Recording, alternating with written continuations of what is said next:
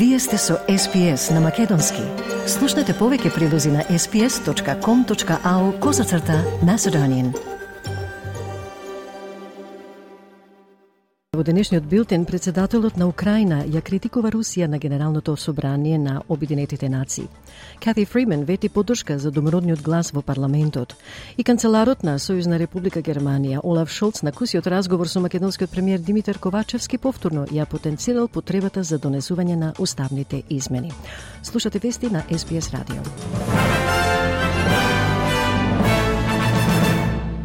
Камперите и жителите во близина на туристичко жариште на источниот брег на Тасманија добија наредба да бараат за солниште поради шумскиот пожар што бесне надвор од контрола. Се вели дека авионите и голем број екипажи се борат со пожарот кој брзо се движи северно од влезот на националниот парк Фрейсенет.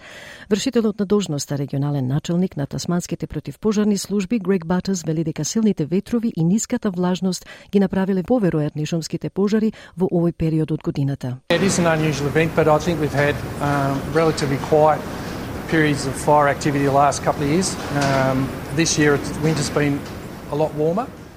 Бирото за метеорологија вели дека земјата може да го очекува најжешкото лето во последните три години откако Австралија официјално е навлезена во климатскиот модел на Ел Ниньо.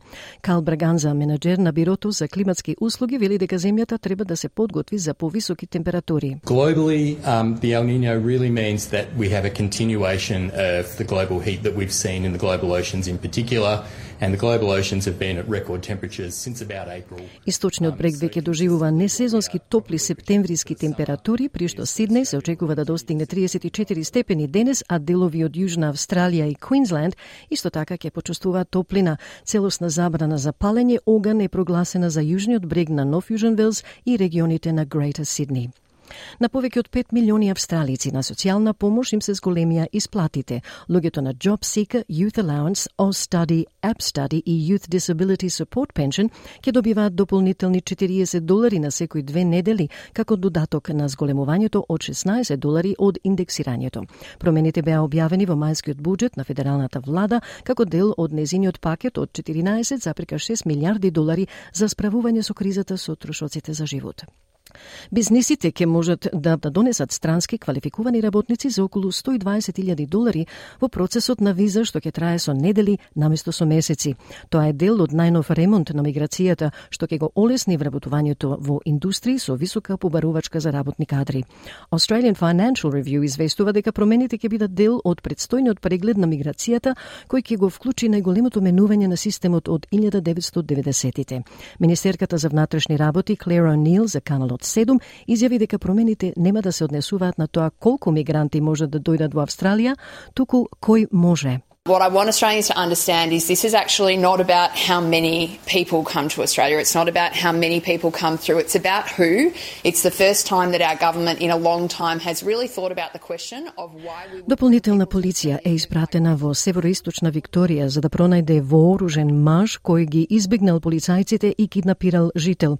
Полицијата на Викторија соопшти дека на 33 годишниот Станли Терви му било кажано да го фрли пиштолот додека полицајци се обидувале да го уапсат на на имот во близината на Шепетен во понеделникот, но испукал истрел во воздух и побегнал со возило.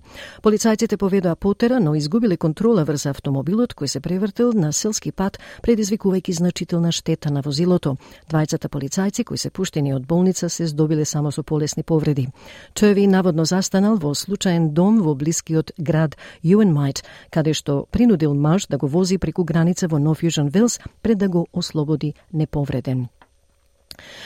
Украинскиот председател Володимир Зеленски ги повика светските лидери во Обединетите нации да застанат обединети против инвазијата на неговата земја. Зеленски привлече аплауз додека го зазеде своето место на говорницата на Генералното собрание на Обединетите нации во Њујорк за неговото прво лично појавување од почетокот на руската инвазија во 2022 година. Во знак на поздрав до глобалниот југ, чија поддршка ја бара во неговиот застој со Русија, Зеленски зборуваше за влошување на климатските промени и природните природните катастрофи, спомнувајќи го неодамнешниот земјотрес во Мароко и поплавите во Либија. Тој на собранието изјави дека Русија мора да се турка назад за светот да може да се сврти кон решавање на овие итни глобални предизвици. Look, for the first time in modern history, we have real chance to end the aggression on the terms of the nation which was attacked. Evil Министерката за надворешни работи Пени Вонг вети поддршка за Украина на Генералното собрание на Обединетите нации. Господјата Вонг вели дека е добро што Зеленски им се обраќа на светските лидери за да објасни зошто Украина е важна за сите нации. Russia has been active in its disinformation and misinformation about this war. Russia has continued to, for example, assert that food security issues uh, are a consequence of sanctions applied to it. I've, he- I've heard that out of uh, Foreign Minister Lavrov's mouth. Олимписката шампионка Кати Фримен ги охрабри австралиците да го поддржат референдумот за домородниот глас до парламентот. Освојувачот на златниот медал стана најновиот домороден поддржувач на гласањето да, придружувајќи им се на фудбалските звезди како Джонатан Thurston и Еди Бетс во повикот за поддршка. Фримен вели, верува дека гласот ќе им помогне на домородните деца да го добијат најдобриот почеток во животот. I can't remember a time when change has felt so urgent. Where momentum has been so strong. From small towns to big cities, something is in the air. I know all Australians feel it too. We have the chance to be part of a moment that brings people together, to work hard for something that we can all believe in. And right now, each of us can be part of something that really matters. Австралиска компанија која одгледува алги за борба против климатските промени е именувана од принцот Уилјам како финалист за престижната глобална награда за животна средина Earthshot Prize. Тасманската компанија Sea Forest е прва во светот која комерцијално развива и произведува додаток за добиточна храна за говеда и овци врз основа на домашна црвена австралиска алга наречена Asparagopsis. Кога е вклучен како дел од редовната исхрана на животното, додатокот Sea Feed може да ја намали намали количината на метан што секој животно произведува до 90%. Принцот Уилјам вели дека наградите Earthshot Prize помага да се создаде оптимизам околу прашањата за климатските промени. The, you know, the Earthshot winners and the finalists create that inspiration, that optimism. And I think we've got to hang on to optimism and hope because it is the biggest driver of change. It is the biggest driver of innovation.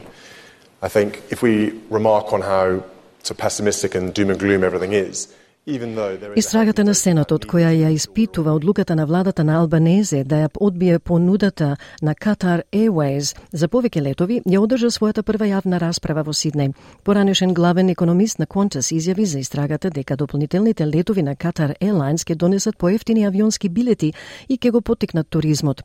Главниот извршен директор на авиокомпанијата за разузнавање и истражување Чани Уеба вели дека тоа би довело до подобрување на влезниот туризам, главно од Европа, кој би можел да вреди до 1 милиарда долари. I think that there are significant benefits to Qatar bringing more seats into the market. Airline prices will fall probably by around 7% on the Australia to Europe route. That's in response to about uh, 14% more seats coming into that market. Шефовите на четирите големи банки ќе се соочат со истрага за затворањето на руралните филијали, при што дебатата за нивната обштествена одговорност во рурална Австралија се интензивира. Главните извршни директори на Westpac, Commonwealth Bank, ANZ и NAB се пред истрагата во парламентот во Камбера. Сенатски комитет ги испитува ефектите од затворањето на повеќе од 600 регионални филијали од 2017 година и има слушнато од земјоделци, мали бизниси и општините. Главниот извршен директор на Commonwealth банката банката Matt Common дека сака банката да има поголем удел на пазарот во регионалните заедници. The reality today is that more than 90% of customers stay with their existing bank after a branch is closed. I remember meeting a community leader in a regional town who was challenging our decision to close a branch.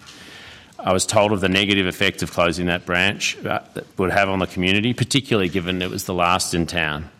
But consistent with our experience, uh, uh, that person hadn't moved their own banking and was a customer of one of our competitors, which had long since left the town.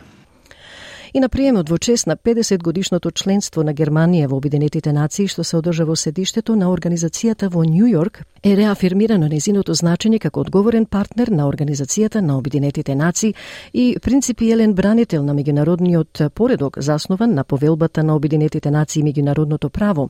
Канцеларот на Сојузна Република Германија имал кус разговор со македонскиот премиер Димитар Ковачевски, за кој време ја потенцирал повторно потребата за донесување на уставните измени со цел да се продолжи продолжи со преговорите кон членство во ЕУ и да се избегне, како што посочил, изолација на подолг рок. Од кабинетот на председателот Стево Пендаровски вела дека на средбата помеѓу председателот и канцеларот Олаф Шолц, Пендаровски изразил благодарност за досегашната поддршка од Германија, како еден од најблиските сојузници на Македонија и дека очекува понатамошна силна поддршка од германските власти во процесот на пристапните преговори кон Европската Унија.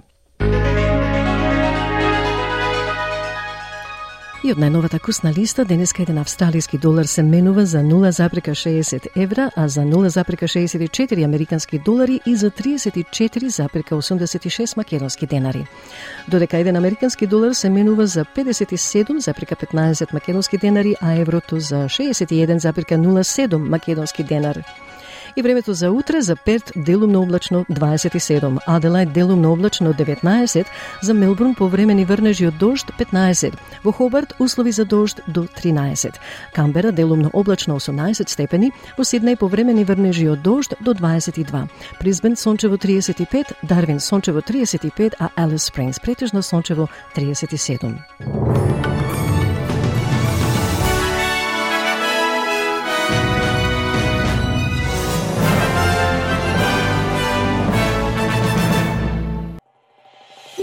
Сакате ли да чуете повеќе прилози како овој?